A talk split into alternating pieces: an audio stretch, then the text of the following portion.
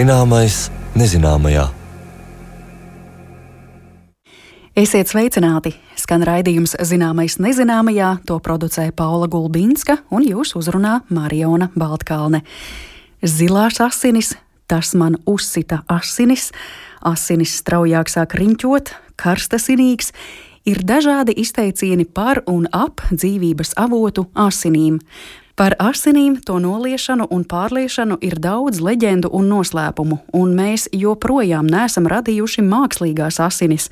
Un iespējams tas asinīm piešķir vēl lielāku noslēpumainību, jo, lai gan radām jaudīgus dronus un mākslīgos orgānus, mākslīgas asinis izveidot nespējam. Un varbūt arī labi, jo tas mums ļauj apzināties dzīvības cenu un asins donoru nozīmi gan par mākslīgām asinīm, asins pārliešanas vēsturi un to, kas tad nosaka, ka mums ir viena vai otra asins grupa, stāstīsim raidījuma otrajā daļā. Te vietā atgādināt, ka asinis veido gan šķidrā daļa plazma, gan dažādi asins ķermenīši, eritrocīti, leikocīti, trombocīti, un mūsu saruna lielā mērā vīsies tieši ap sarkanajiem asins ķermenīšiem, eritrocītiem par asinīm pēc brīža, bet pirms tam jūsu uzmanībai šīs nedēļas aktuālās zinātnes ziņas.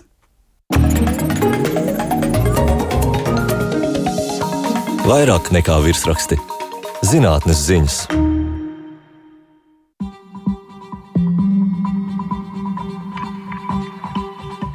Vairāk nekā virsrakstīs zinātnes ziņas, mēs turpinām šo ceturtdienas rubriku, sniedzot ieskatu, ko aizraujošu varbūt satraucošu par zinātni vēstīja interneta lapuses, tostarp ārvalstu mediji. Un ar mani kopā ir kolēģe Paula Gulbinska. Es zinu, Paula, ka tavos stāstos šodien būs gan jaunumi par infekciju slimībām, gan dabas pieminekļiem, un mēs uh, savā veidā apceļosim pasauli no Dienvidu pola līdz pat uh, Baltijas jūras krastam. Sveika, Paula! Tad nu ved mūsu ceļojumā. Jā, labrīt, Mariona, labrīt, klausītāji!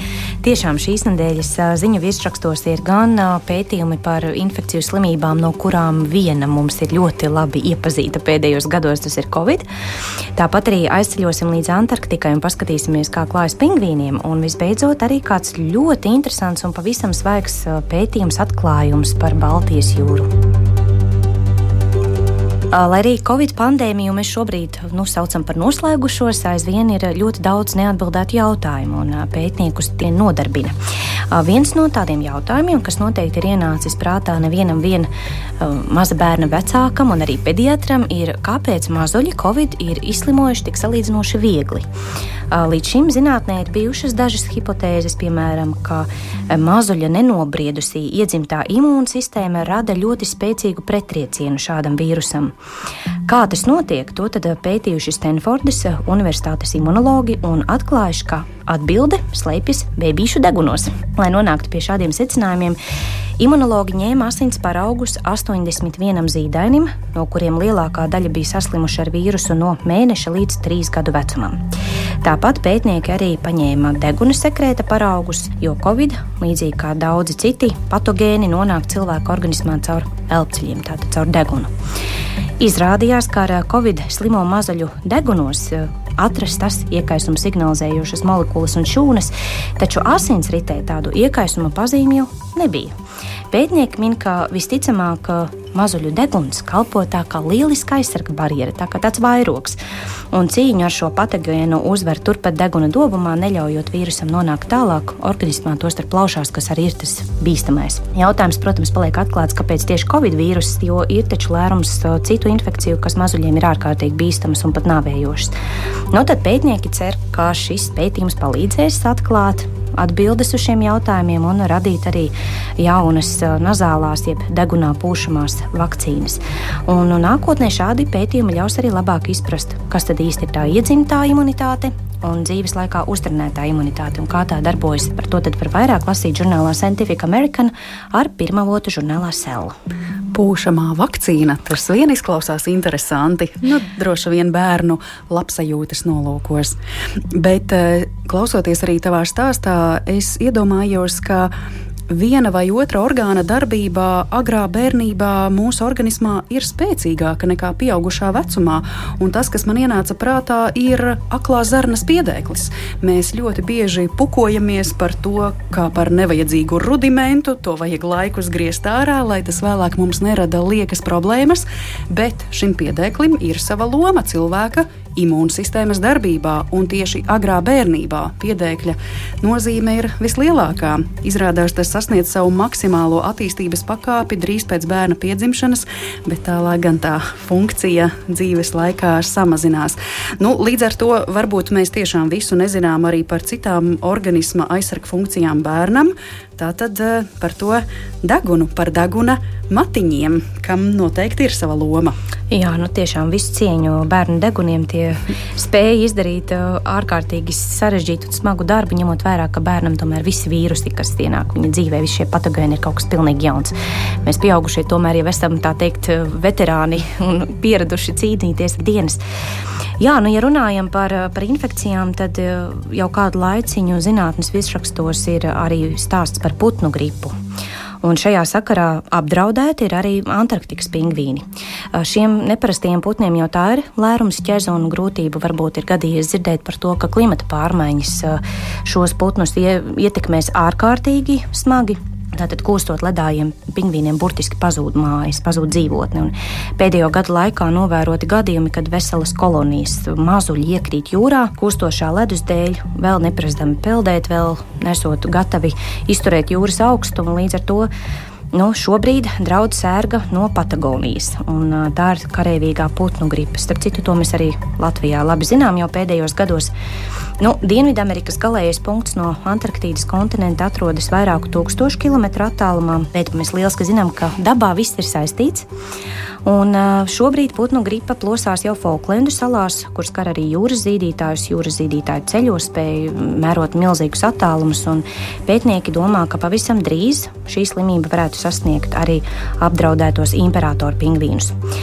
Putnu gripu, kas pēdējos gados plosās visā pasaulē, tostarp arī Latvijā, dažkārt mēdz dēvēt par tādu Frankensteina vīrusu, jo tas ir vairāku putnu gripas paveidu apvienojums. Tas ir bīstams mājputniem, tas arī ir lipīgs saules putniem, vīrusu uz dažādām putnu sugām iedarbojas atšķirīgi. Tātad ir dzīvnieki, kuriem tikpat kā nav nekādu simptomu un reakciju, un ir citas sugas, kurām šī putnu gripa ir tiešām nāvējoša.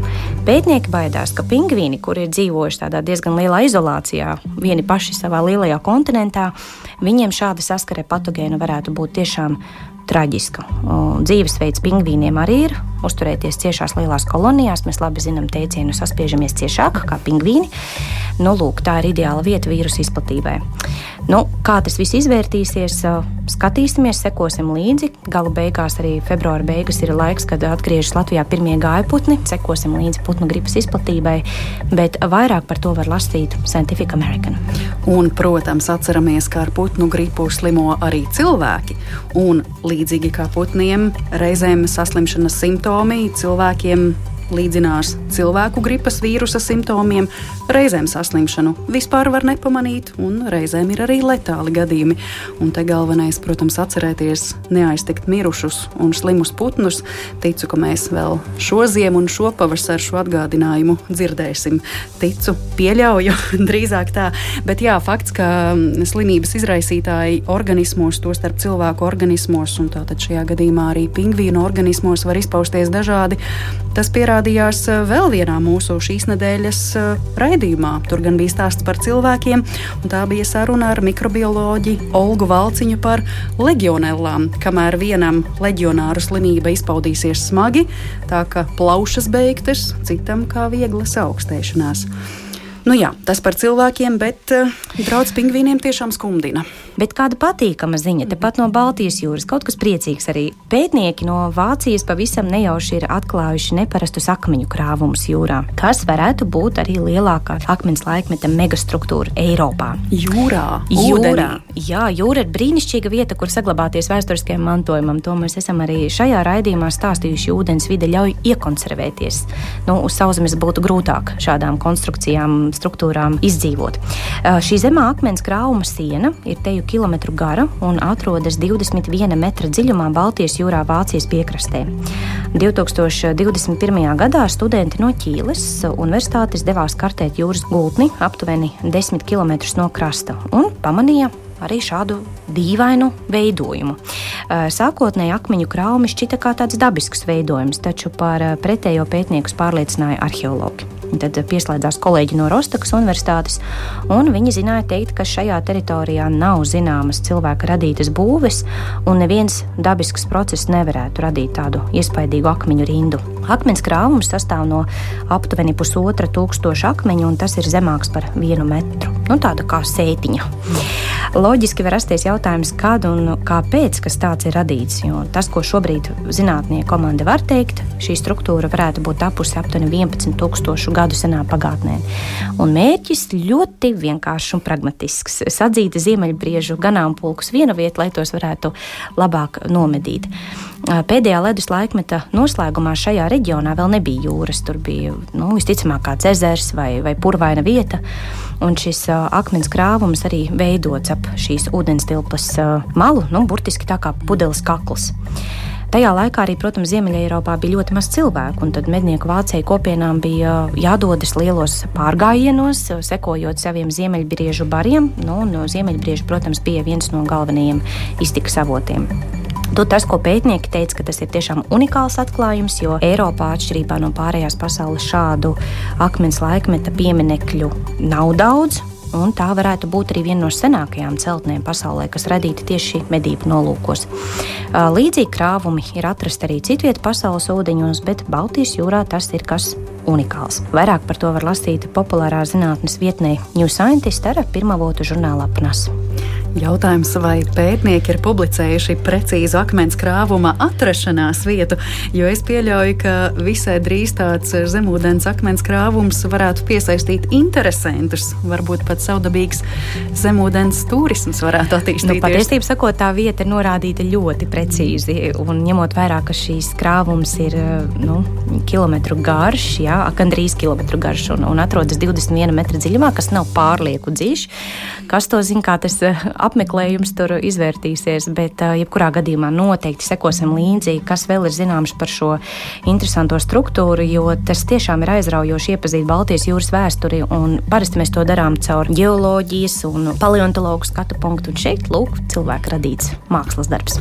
Nu, tas, kas šeit arī pierādās, ir gan mūsu jau savstarpējās sarunās aprunātais jautājums, gan arī nesen mūsu raidījumā stāstītais par zemūdens arheoloģiju, ka jūras un okeāni ir vēl lielāks kosmos nekā tas īstais kosmos. Mēs ļoti daudz ko zinām par tāliem visuma objektiem. Nesen arī raidījumā par asteroīdiem runājām, par kuriem mēs zinām tiešām gana daudz, bet jūras un okeāna dzīves ir tiešām liels nezināmais.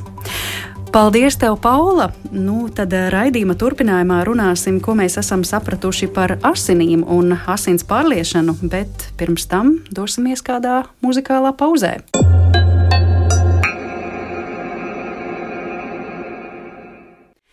Pilnīgāku izpratni par cilvēka asins sastāvu un funkcijām organismā esam guvuši visai nesen, taču dažādas asins procedūras bijušas populāras jau senatnē. Kāpēc asins noliešana bija tik ierasta terapija vēsturē, un ko mēs zinām par cilvēka asinīm šodien? Ko nozīmē atšķirīgas asins grupas, un kāpēc cilvēkam nevar pārliet dzīvnieka asinis?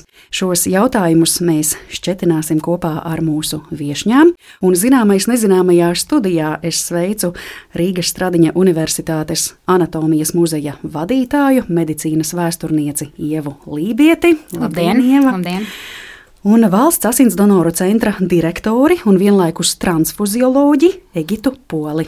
Labdien! Labdien. Tas, ar ko es gribētu sākt, par asins grupu iedalījumu. Šobrīd jau mēs zinām, ka mums ir 0, un A, un B, un vēl AB grupa, ko daļa cilvēku tādā vecā stilā sauc par 1, 2, 3, 4, ko gan šķiet šobrīd vairs nelieto. Bet tas, kas man ļoti interesētu, kā evolucionāri, ja tas ir zināms, šīs asins grupas vispār ir izveidojušās. Ir lasīta teorija, ka tas ir saistīts ar zemkopju kultūru un lopkopju kultūru, ka vieniem bija A grupa, otriem bija B grupa, tad tas kaut kā laika gaitā sajaucās un izveidojās AB grupa.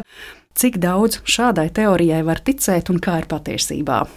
Nu, tieši šīs atsevišķās asins grupas, kā ir izveidojušās, tur tiešām teorijas ļoti daudzas, bet man liekas, ļoti interesanti ir vispār šī asins pārliešanas sistēmas vēsture, jo tas arī saistās tiešām ar tādu vispār vēsturiski evolucionējošu izpratni par cilvēku fizioloģiju un cilvēku uzbūvi kā tādu. Jo man liekas, ka senos laikos tiešām visi saprata, ka kaut kas cilvēkam iekšā ir, Tāpēc arī traumām, kas bieži tajos laikos gadījās, rodoties šīs asinis izplūda. Tad ilgu laiku domāja, ka, lai to papildinātu, šīs asinis ir jādzer, vai kā savādāk ir jāpapildina arī pienu dzerot un daudz ko citu. Un tas, man liekas, lielākais sasniegums bija 1628. gads, kas tiešām ir ļoti būtisks, kad Viljams Hārvijs atklāja asinsrites sistēmu, no kura brīža mēs varam uzskatīt, ka tiešām mēs sapratām, sapratām, kā mūsu organismā šīs asinis cirkulē. Un tad tajā brīdī jau sākās dažādi veidi izpētes, tā brīža, protams, iespēja līmenī par to, vai var pārliet šīs asinis, kā var pārliet un kāpēc neizdodas pārliet. Mm -hmm. Tas ir 17. gadsimts, tātad tādas anatomijas pamatzināšanas jau rodas visai sen, bet tā izpratne, vai mēs drīkstam pārliet, kam, cik daudz, tie ir tikai tālākie gadsimti. Un faktiski nu, 20. gadsimta sākums, kad tiešām mēs zinām, jā, kā mēs to drīkstam darīt. Jā, tiešām tā tas arī ir. Un arī šī asins pārliešanas vēsture gāja kā pa kalniem un lejām un mēģināja pārliet šīs asins. Tagad mēs zinām, kāpēc atsevišķi brīži bija veiksmīgi un tad atkal neveiksmīgi. Tad uz kādu laiku atkal tas tika dažādās valstīs aizliegts, kā dzīvībai bīstams, jo cilvēki mira. Tad nāca šis 1901. gads, kad Lanšteiners atklāja šīs asins grupas ilgajos savos arī pētījumos un vispār vispirms šīs pirmās trīs grupas, to 0, A un B, un 1904. gadā arī tam pievienojās AB grupa, un tikai kādus 30 gadus vēlāk viņa skolnieki un līdzgaitnieki atklāja šo rēzu sistēmu. Un no tā brīža mēs varam uzskatīt, ka mēs zinām, un tas arī ir nemainīgi vēl šodienas spēkā, kam, kā var un iespējams pārliet šīs asinis, lai nekaitētu. Pirmkārt, jau lai nekaitētu pacientam. Veselu sprādzienu medicīnas Jā. vēsturē Kārlis Lanšteiners izdarīja paskat, cik daudz gadsimti pagāja, līdz mēs tiešām to pilnīgi sapratām. Bet vēl precizējot, šobrīd to dalījumu pirmā, otrā, trešā, ceturtā grupa mēs vairs neizmantojam. Tas bija tāds šķiet padomju laiku princips. Tas jā, bija vairāk šajā padomju pusē jau no 1925. gada īstenībā Vācu asins pārliešanas biedrība jau pieņēma šo nulto AB grupas dalījumu, un tā principā visā pasaulē arī to izmanto, un tas ir arī pamatot, un tas ir uzreiz skaidrs, jo šis asinsgrupu piedalījums nultā vai A vai B vai AB nosaka to, kādi antigēni atrodas uz katras grupas eritrocītiem, respektīvi nultai tādu nav, jeb O grupai, kā mēs sakām, tādu nav. Attiecīgi pārējiem ir, un tas arī nosaka šīs grupas nosaukumu. Mm -hmm. Kā jau pirmīt runājām, tad jau 17. gadsimts ir tas, kurā rodas zināšanas par asinsrites sistēmu, lai gan par asins pārliešanu pilnīga izpratne top vēlāk, bet neskatoties uz visu to, asins notecināšana, tā, vai asins nolaišana bija diezgan izplatīta terapija vai medicīnisks paņēmiens jau visai sen. Vai tā ir ieva un kādiem nolūkiem to izmantoja? Tev ir taisnība, Marija, un tas ir kaut kas tāds, kas tika praktizēts ļoti tālā pagātnē, vismaz jau senajā Grieķijā. Nu, to mēs zinām, tāpēc, ka šie asins šķidrumi, jeb četru asins sulu teorija, ir pieminēta jau hipokrātiskajos rakstos, nu, kurus mēs datējam apmēram ar 4. gadsimtu pirms mūsu ēras. Šī teorija teica, ka cilvēku veselība un labklājība ir atkarīga no tām četrām sulām, kas atrodas iekšā mūsu ķermenī. Nu, un hipokrātiskie autori tad uzskatīja, ka tāda ir melnā žults, dzeltenā žults, flegma, jeb gļotas, un tā mūsu šodienas tēma - asins. Nu, un ja šie šķidrumi ir līdzsvarā, tad mēs esam veselīgi, ja tur rodas kaut kāds disbalans, tad attīstās slimības. Un šajā teorijā arī balstījās principā visas ārstēšanas metodes, respektīvi, kā mēs tiksim vaļā no nevēlamajiem šķidrumiem un izveidosim vietu, kurā tad formēties tiem jaunajiem, lai atjaunot mūsu veselību. Nu, un viena no tām ārstēšanas metodēm, tāda, kas visciešāk balstījās šajā te humorālajā teorijā, bija tieši asins nolaišana pieminēju to sākumu, seno Grieķiju, man vienmēr ir fascinējis, ka šī teorija, laikam, mēs varētu teikt, ir bijusi visietekmīgākā visā medicīnas vēstures gaitā, jo vēl 19. gadsimtā, 19. gadsimta sākumā ārsti turpināja praktizēt humorālās teorijas tādā aizsagā, un asins nolaišana kā praksa bija nu, arī ļoti ilgi praktizēta. Piemēram, licies interesants fakts, ka Rīgā tikai 1901. gadā ķirurgu bārdziņu tādai biedrībai tika aizliegts turpināt praktizēt asins nolaišanu. Tā kā vēsture ir ļoti sena un ļoti gara. Un um, ne tikai asins nolaišana, cilvēkiem arī izsens vēl pirms asins rites loku atklāšanas. Nu, likās, ka tās asins var izmantot ārstniecībā.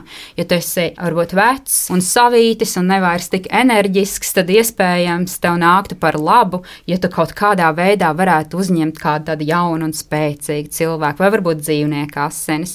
Tā kā tās nevienmēr droši vien dokumentētas, bet uh, pietiekami bieži praktizētas ir bijušas arī noteikti asins asins dzeršanas vai kaut kādas asins vannas, un par to mums ik pa brīdim piemin vēsturiskie avoti, gladiātora asins mhm. dzeršana, vai ne? ļoti spēcīgi, vai ne? es esmu lasījis, ka kara pulkiem līdzi gāja tie ganāmpulki ar, ar tieši jau pieminētajām iespējām. Tad, tad papildus jā, jā. enerģijai dzert šīs dzīvniekas. Jā. un jā, tas, ko dod tie asinsrites loku atklāšana, cilvēks saprot, ok, tad to dzeršanu mēs tomēr laikam nedabūsim tās asins iekšā tajos mūsu asinsrites lokos, ka viņas tomēr cirkulē šajā noslēgtajā sistēmā.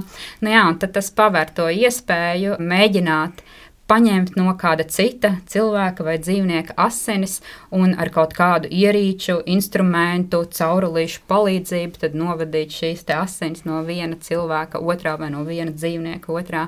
Kā jau tika minēts, tas ir 17. gadsimts, kad tie eksperimenti sākas. Brīžiem traģiski un mhm, neveiksmīgi, mm, līdz ar to arī nebija tāda ļoti plaši izplatīta praksa. Vismaz par to neviens tik daudz nerakstīja. Mm -hmm.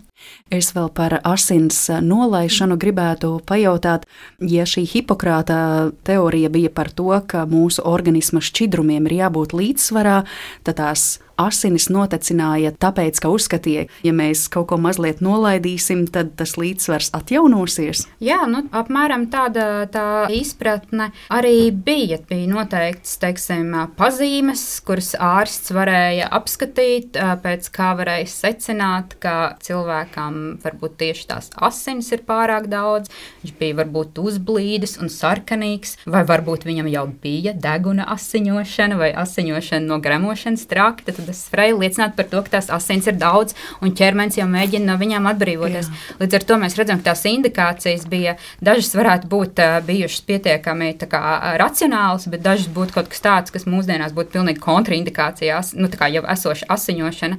Bet, uh, nu, jā, pietiekami bieži praktizēta, un droši vien to noteikti arī doktora Pola pateiks, noteikti mērenos daudzumos tas cilvēkiem par sliktu nenāca, jo mm. tad jau noteikti mēs tik ilgi šādu ārstēšanas metodu nebūtu būt pieredzējuši. Par to liecina arī šodienas donoru rezultāti, ka tas viņu veselībai absolūti nekaitē un iespējams pat kaut kā uzlabo. Mm, jā, jā, jā nu, to mēs tiešām arī redzam, un par to arī pētījumi liecina, ka veselam cilvēkam regulāri tādu fizioloģiski pieļaujamu daudzumu, kas mums ir katrā donācijā, tie ir 450 ml paņemot cilvēku asinsradzes sistēmu, mobilizējās un strādā aktīvāk. Izstrādājās jau 45 dienu laikā, izstrādājās jauna eritrocīta, tā tad notiek tāda organisma atjaunošanās aktīvāk.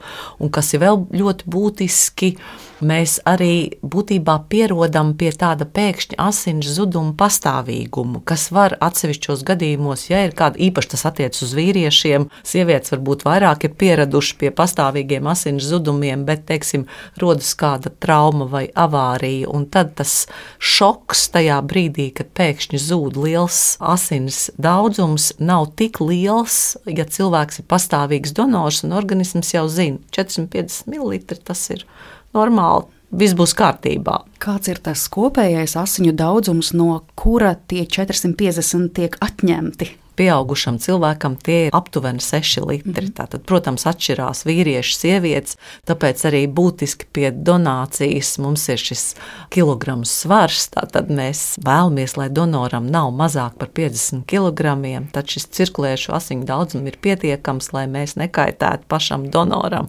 arī ar šiem 450 ml. Mm -hmm. Nu, redz, un ja mēs atkal skatāmies vēsturē, tad pieminētais jau 17. gadsimts un arī visi tālākie līdz pat 20. gadsimta sākumam, tajos notika mēģinājumi pārliet asinis, nevis ievadot kuģī, bet ar ievas pieminētajām caurulītēm, mm. lai patiešām asinis no viena cilvēka ķermeņa sasniedz otra cilvēka asinsrites sistēmu, bet tas bieži beidzās neveiksmīgi, tāpēc, ka toreiz, acīm redzot, vēl nebija zināšanu, ka mēs nevaram tā pumpēt un pumpēt nost, ja ir limits, cik mēs drīkstam paņemt. Nu, un otrs iemesls, kāpēc tas bija neveiksmīgi, jo izpratnes par asinsgrupām nebija, un tas acīm redzot radīja šos letālos gadījumus. Ievai vai ir varbūt kādi stāsti tiešām no medicīnas vēstures, kad atkal mm. mēģinot panākt mūžīgo jaunību, tas rezultāts bija letāls. Mm. Daudz jau ir dzirdējuši, tas ir klasiski pieminētie nostāsti, kas visticamāk nemaz nav patiesi par pāvestu Inokentiju astoto, kurš tur uz nāves gultas izdzēra 30 gadīgu bērnu asinis, un tad viņi gāja bojā. Nu, es pieņemu, ka bija, tiešām bija cilvēki, kas arī šādā veidā mēģināja sev kaut kādu, varbūt turīgi atjaunot kaut kādas jauneklības pazīmes, bet es domāju, ka tas jau ir tādas, nu, kuriozitātes drīzāk, jo bija arī gadījumi, ka tā asins pārliešana tiešām var būt, varēja glābt cilvēku dzīvības, un tāda, man liekas, ir gadījumi, kur vairāk ir mums dokumentēti sākot no 19. gadsimta, kas ir saistīti ar pēcdzemdību asiņošanas terapiju, vai nu, pietiekami augsta mirstība tieši no pēcdzemdību asiņošanas. Un tad tur jau šie centieni, un tas ir, liekas, tāds visvairāk zināmais, ir brītu ārsts Blondels, kas šīm asiņojošām sievietēm asins pārlai nu, vai no viņu maisaimniecības locekļiem, vai no vīra. Nu, tad vairāki gadījumi ir dokumentēti. Man liekas, kopumā, ja nemaldos, viņš bija kādas desmit reizes pārlaists, un puse tur bija apmēram no tiem pacientiem izdzīvojusi.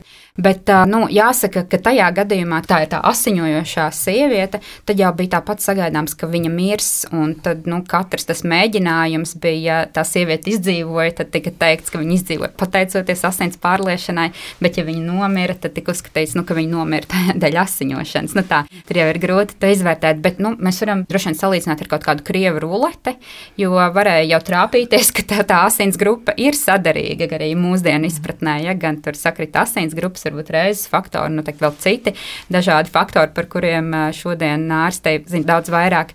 Līdz ar to kādreiz jau paveicās, un asiņojušiem cilvēkiem varbūt asins pārliešana attaisnoja tos riskus, bet, protams, bija arī nu, citi gadījumi, kur asinis no jēriem pārlēja nemierīgiem mm. cilvēkiem, lai viņus nomierinātu, un tas ir tādā jau vienkārši beidzās neveiksmīgi. Jā.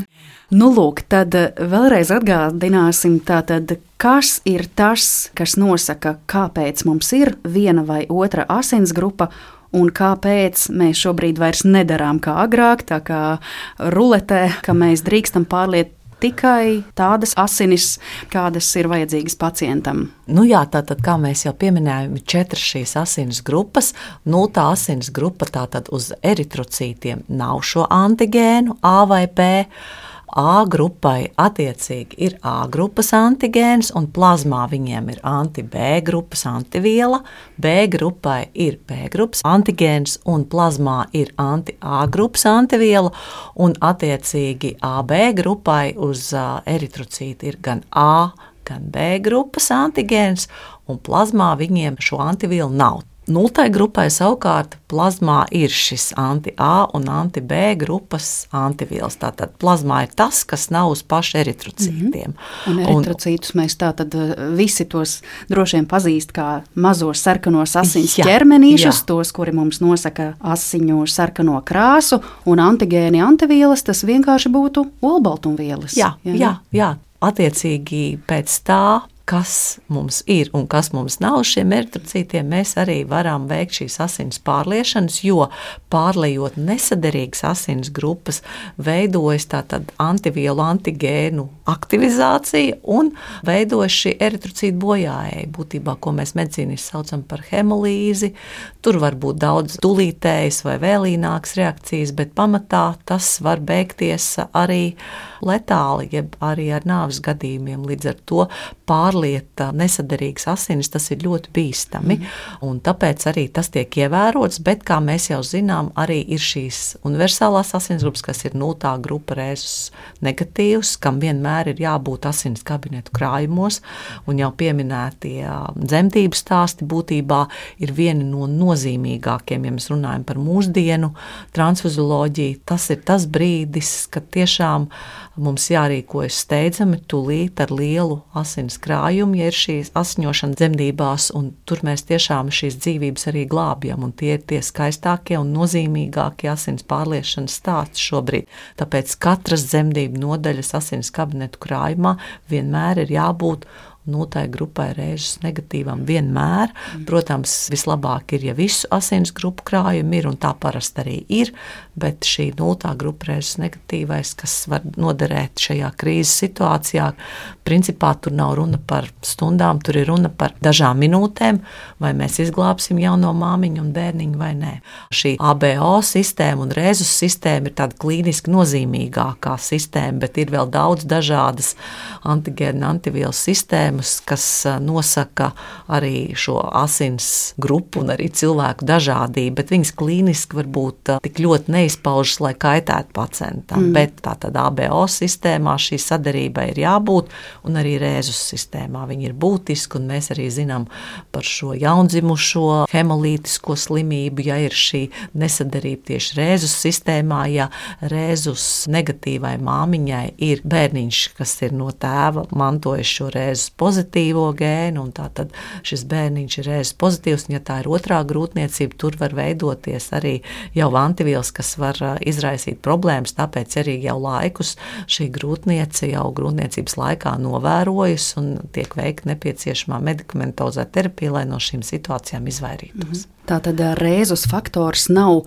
piektā asins grupa, bet tas ne. ir vēl viens papildu faktors, vēl viens faktiski antigēns, olbaltumviela, kas ir ļoti, ļoti svarīga un vienmēr tiek noteikta komplektā. Jā, komplektā. Un tad jā? būtībā mēs runājam par astoņiem dažādiem asins tipiem. Ja tās ir četras asins grupas, un katra no tām var būt reizes pozitīva, reizes negatīva, tad mēs runājam par astoņām būtībā dažādiem asins grupu veidiem. Mm, kombinācijām. Kombinācijām, kur, jā, protams, ja tā varētu teikt. Neviena nav labāka vai sliktāka, visas ir vienlīdz svarīgas, bet tad es pareizi saprotu tagad, kad, piemēram, A rēzus pozitīva cilvēka asinis nonāks B rēzus negatīvā cilvēka asinsritē, tur vienkārši sākas, nu tā vienkāršot izsakoties, eritrocītu kauja, ja? Tie antigēni Jā. tur sāk Jā. cīnīties un notiek eritrocītu saķepšana, salipšana. Jā, būtībā salipšana un viņu bojāja, ko mēs saucam par hemolīzi, un tas var izraisīt, tātad ir tāds tūlītēs reakcijas, kā drudzis nespēks, bet attālināts jau ir ļoti nozīmīgi šie plaušu bojājumi, un principā arī var aktīvi nerīkojoties un to nesaprotot, var arī pacientam tas beigties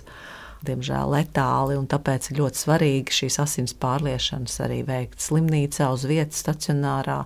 Un šī protokola, jeb kā mēs sakām, pārliešanas protokoli pirms tam, kā vēlreiz pie pacienta gultas pārbauda gan pārliemās asins, asins grupu, gan arī pacienta asins grupu, un kā tas viss vēl tiek dokumentēts un uzraudzīts, tas ir ļoti nozīmīgi. Arī pacientam pēc šīs asins pārliešanas palikt stacionārā un tikt novērotam. Mm -hmm. tā, tā ir nopietna manipulācija.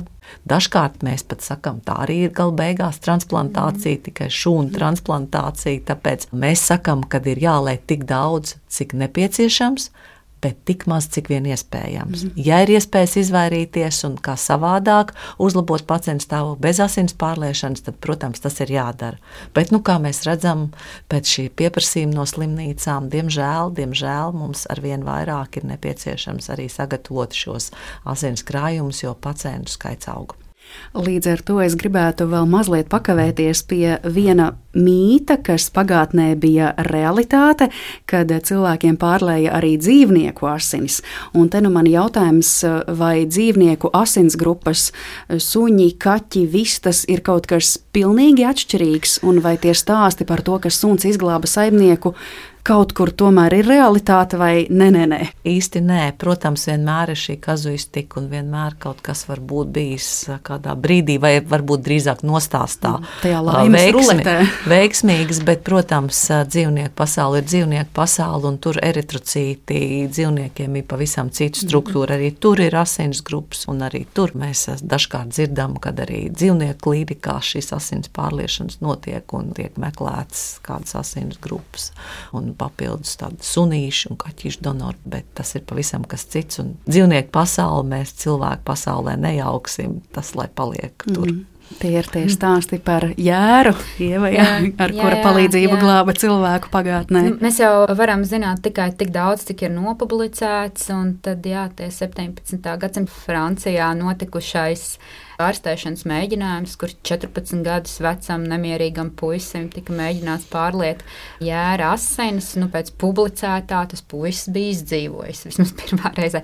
Jautājums jau ir droši vien par to arī, cik daudz tur pārlēja, un nav jau nekur zināms, ka tur būtu pārlietis puslitrs vai tam līdzīgi. Vai, kā viņi pārlēja? Un kā, jā, un kur viņš vai... trāpīja, teiksim, vispār tās asins un tam līdzīgi. Jā, jo pēc tam jā, bija vairāk letāli gadījumi, kas arī tad apmēram uz vairāk kā simts gadiem pārtrauca pārtrauc tos mēģinājumus. Tas pat tika ar likumu Francijā aizliegts. Vienkārši pārtrauciet to darīt, pārtrauciet lietu no dzīvniekiem, asins cilvēkiem. Jā, jo droši vien tie paši, par ko jau dr. Pols stāstīja, tie antigēni ir no nu, arī, protams, tiem pašiem dzīvnieku eritrocītiem, un viņas mūsu ķermenis neatpazīst. Un mm. Tieši tādā pašā veidā mēs droši vien uzbrukam arī dzīvnieku eritrocītiem ar savām antivielām, tāpat kā arī citas grupas vienkārši asinīm. Tas, lai paliek. Nu, tā vajadzētu būt, jā. Vēstures stāstiem. Jā, un te mēs ļoti loģiski nonākam pie mana nākamā jautājuma par mākslīgajām asinīm. Un mūsu raidījumā bieži vien ir bijis tā, ka mēs runājam par orgāniem uz čipa un par implantiem galvas un muguras smadzenēs, kas pieceļ uz kājām pat paralizētu cilvēku, un par droniem un visu ko. Un reizēm paiet laiks, un mēs tiekamies ar šo pašu speciālistu, un viņš jau pastāsta, cik ļoti tas viss ir gājis uz priekšu. Mākslīgo asiņu gadījumā man liekas, ka mēs tā gluži nevaram teikt, un arī tagad mēs redzam, ka mākslīgo asiņu nav. Kur tad ir tas āķis? Nu, kāpēc? Jā, nu te varētu teikt, ka tas laikam ir tās cilvēka būtības spožums un posts. Mm. Zinām, mērā mēs varam būt priecīgi, ka pilnīgi visu nevar atklāt un nevar saprast. Cilvēks ir absolūti unikāla būtne un kaut kam laikam ir jāpaliek arī līdz galam neatklātam. Tāpēc mēs laikam nevaram runāt par cilvēku kā robotu, jo ir daudz lietas, kur tomēr mēs laikam Man jāsaka, paldies Dievam, ka mēs mm. tur nevarēsim iejaukties. No otras puses, tas, protams, ir posts, jo šī ir viena no retajām jomām, kur mēs nevaram iztikt bez donora palīdzības, bez dzīva cilvēka. Bez viņa vēlmes un spējas ziedot. Un, ja tas nebūs, tad principā daļa veselības aprūpes sistēmas ar to pašu brīdi apstājās, jo mēs daļu cilvēkus izglābt nevarēsim. Un tiešām jau vairāk kā simts gadus, protams, no tā brīža, kad atklāja šīs asins grupas un sākās asins pārliešana, es domāju, arī sākās pētījumi, kā var šīs asinis sintēzēt un pārliet mākslīgi. Ir divi virzieni, kuros strādā un par ko arī runā. Sintēzēt mākslīgi šo hēma molekulu, tātad tas ir tas galvenais eritrocīta esošais skābekļa transportētājs, kas ir viss šī eritrocīta un asins pārliešanas būtība. Transportēt mūsu organismā skābekli.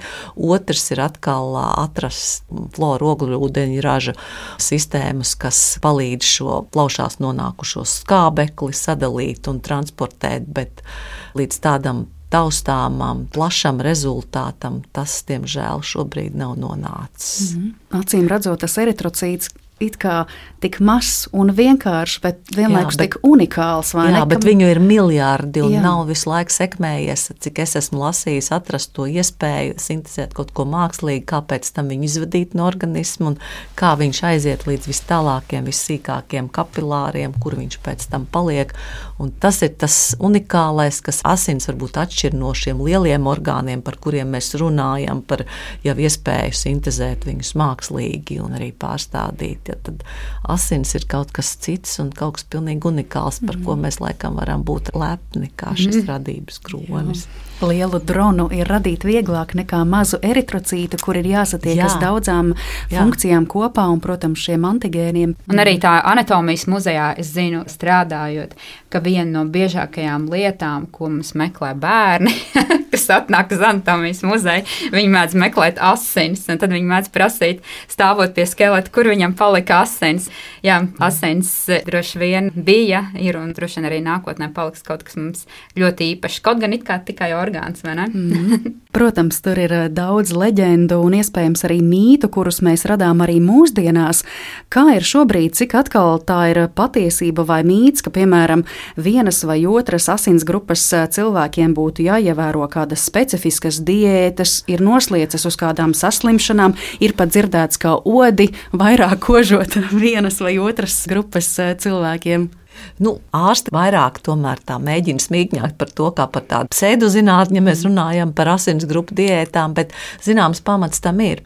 Un, piemēram, attiecībā uz diētām mēs runājam par tādām olbaltumvielām lektīniem, kas ir katrai asins grupai atkal savādākā izkārtojumā, savādākā daudzumā, un attiecīgi varētu būt labāka vienu vai otru produktu panesamība vai nepanesamība. Un par to ir daudz grāmatu, daudz teoriju, kurām cilvēki, es domāju, viegli šobrīd tīmeklī var arī atrast un sekot līdzi, kas attiec uz saslimšanām ir līdzīga. Ir dažādas šīs struktūras, piemēram, uzskata uzskata, ka pieņemsim, nu, tās asins grupas īpašniekiem ir lielākas iespējas, piemēram, saslimt ar kuģa čūlu, jo viņiem varbūt vairāk ir iespēja būt šai helikobaktērijai, kuģī, kas saistīts atkal ar šī tieši eritrocītu uzbūvu un iespēju saistīt to vai citu dažādu slimības izraisošo aģentu. Nevienmēr tas var būt infekciozais aģents, bet arī dažādi antivielu kompleksi un tam līdzīgi. Tas krāšņākais, ko pēdējā laikā mēs mēs sastapām, ka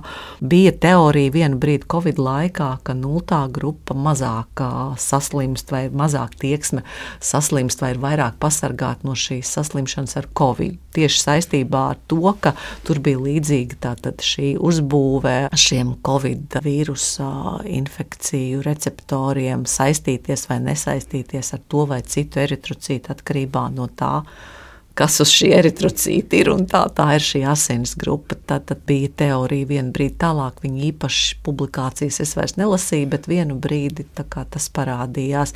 Atkal ir citas saslimšanas. Vienai asins grupai vairāk noslēdz uz tādām tieši infekcijām, vienai atkal vairāk uz tādām asiņošanas lietām, vairāk ir tieksme, biežāk asiņot un tam līdzīgi. Tā kā tam visam ir pilnīgi zinātnisks pamatots izskaidrojums, un to arī pēta, bet mēs kā praktiķi strādājam ikdienā pie tā, lai tiešām šīs asins grupas īstās piemeklētu īstam pacientam un arī donorus piesaistītu un izvēlētos tādus, lai nekaitētu arī pirmkārt pašiem donoriem. Tas ir mūsu pats princips. Mm -hmm. Atrast donorus, noturēt un sagatavot ļoti labus šos asins komponentus, kas tiešām glāb dzīvības mm -hmm. pacientiem. Un, protams, cilvēkiem, kuri vēlas glābt citu dzīvības, ir iespēja kļūt par donoru, atkal sīki un smalki uzzināt, kas ir jāņem vērā, ja jūs vēlaties būt donors, kad drīkst un kad nedrīkst nodot asinis. To visu var uzzināt valsts asins donoru centrā tīmekļa vietnē. Un, eh, pietuvojoties mūsu sarunas noslēgumam, tad eh, līdz ar to simboliski vēl gribēju pajautāt tieši par eh, asins pārliešanas vēsturi Latvijā. Jo skatoties vēsturiskās fotogrāfijas, varbūt kādu cilvēku tas var nobiedēt, kādus tur ķitelīšus agrāk cilvēki ir vilkuši. Roka bija kaut kur, teiksim, tā jāizbāž, un tu pat neredzi, ko te ar to roku dara. Un cik ļoti smalkas un nesāpīgas šīs manipulācijas tehnoloģijas ir mūsdienās un ātras un varētu teikt pat patīkamas, cik garu ceļu mēs esam nogājuši. Tāds šobrīd ir valsts asins donoru centrs, agrāk Latvijas asins dienests. Cik gara mums ir kopumā šī vēsture Latvijā, cik ilgi tas sekmīgi notiek? Donoru asins pieņemšana, pārliešana. Nu, būtībā, protams, tas sākās jau krietni senāk, un tas vairāk notika varbūt pie slimnīcām, bet tieši ja mēs runājam par asins dienesta attīstību, tad, tad mums jāpiemina mūsu medicīnas pamatlicējs un dižgars Pauls Stradiņš, kurš 1941. gada martā arī izveidoja pirmo asins pārliešanas staciju pie Stradiņas slimnīcas, tādā vēsturiskā koka ēkā, kas, manuprāt, pašā slimnīcas stūrītī vēl ir saglabājusies. Un tad arī būtībā varētu teikt, ka viņš kā ķirurgs arī sāka šo asins dienestu attīstīt, mācīt, bet nu, sākās karš. Un pēc kara šis dienests attīstījās, jo, protams, kara medicīnai ir ļoti liela nozīme asins pārliešanas attīstībā, un arī to mēs, diemžēl, redzam šobrīd. Mēs ļoti nopietni sākam skatīties un gatavoties dažādiem scenārijiem. Es ceru, ka neviens no tiem nepiepildīsies, bet nu, mums ir jābūt gataviem, kā palīdzēt cilvēkiem arī dažādās krīzes un kara situācijās. Un tātad dienests arī diezgan aktīvi sāk attīstīties pēckara periodā. No 2003. gada tātad nosaukums ir Valsts asins donoru centrs. Tātad tas arī ir tāds būtisks pagrieziena punkts asins dienesta attīstībā. Un būtībā šobrīd var teikt, ka mēs esam ļoti priecīgi atšķirībā no citām valstīm, ka mums ir vienots asins dienests. Mums tiešām ir valsts asins dienests, ir centralizēta sistēma, kas es uzskatu mazai valstī ir ļoti pareiza un labi vadām un organizējam. Un visiem ir vienotas kvalitātes prasības un vienoti principi, kā mēs strādājam un kā mēs mainamies ar asins komponentiem, kurai slimnīcai vajag to vai citu vairāk. Tas viss ir vienoti organizēts un centralizēts. Ne tuvu visās valstīs tā nav, un tas var apgrūtināt sadarbību un darbu. Un mums tā ziņā ir paveicies. Mm -hmm. Jūs pieminējāt krīzes situācijas, kurās mums varbūt ir jārēģē visādi, bet šobrīd šķiet, uh, vēl Latvijas iedzīvotāju asinis netiek sūtītas ārpus robežām. Par to cilvēku laikam arī agrāk ir baidījušies, ka manas asinis aizsūtīs kaut kur pāri prom robežām. Nē, tas arī noteikumos ir šobrīd noteikts, ka asins komponentus valstī neieved un neizved. Izņēmums ir tātad plazma, plazmas preparātu ražošanai, kas ir cits stāsts, bet principā tas netiek darīts ar vienīgu nosacījumu, ka sākoties kara darbībai Ukrainā tika izmainīti šie noteikumi, pasakot, ka ja ir nepieciešams vai šāda krīzes situācija, tad ar ministru kabinetu speciālu lēmumu var asins komponents no valsts izvest un asins komponents valstī ievest. Un arī šai krīzē sākoties bija liela arī sabiedrības interese, ka mēs varētu palīdzēt ar asinīm tieši Ukrainai, bet tas nebija nepieciešams. Runa gāja par aprīkojumu, Bet, kas attiecas uz tieši asiņu sūtīšanu, tas nav tik vienkārši un tas ir gan komplicēti, jo ir šī augstuma ķēde, kas ir jāievēro, un tas ir pārāk tāls ceļš, lai mēs būtu droši, ka šis asins komponents tiešām nonākot gala punktā tiek izmantots tā, kā tam ir jābūt. Nu, ko es saku jums lielu paldies, un tikai vēlreiz atgādinājums cilvēkiem būt atsaucīgiem, un, ja veselība ļauj, tad sniegt palīdzīgu roku. Patiesībā ziedojot asinis, jūs palīdzat pat trim pieaugušiem cilvēkiem. Visa informācija valsts asins donoru centrā, platformās, un interesanti plašāku ieskatu noteikti var gūt arī Rīgas Stradiņu Universitātes anatomijas muzejā, iepazīt orgānu uzbūvi. Cik es zinu, Ieva arī piedalīties sirds izšūšanas darbnīcās, vai ne? Um, jā, tādas mums ik pa laikam notiek. Nu, lūk, tā kā arī radošas darbnīcas, lai izprastu ķermeņa uzbūvi. Un šodien par eh, sarunu es saku lielu paldies Rīgas Stradiņa Universitātes anatomijas muzeja vadītājai, medicīnas vēsturniecei Ievai Lībietei un valsts asins donoru centra direktorei, transfuzioloģijai Egitai Polei. Paldies! Paldies. Paldies jums, klausītāji, ka pievienojāties šajā stundā. Mūsu raidījums ar to arī šodien izskan, un to veidoja Paula Gulbīnska, Nora Mītspapa, Girts Bišs, un ar jums sarunājās Mariona Baltkalne lai patīkams dienas turpinājums, uz sadzirdēšanos!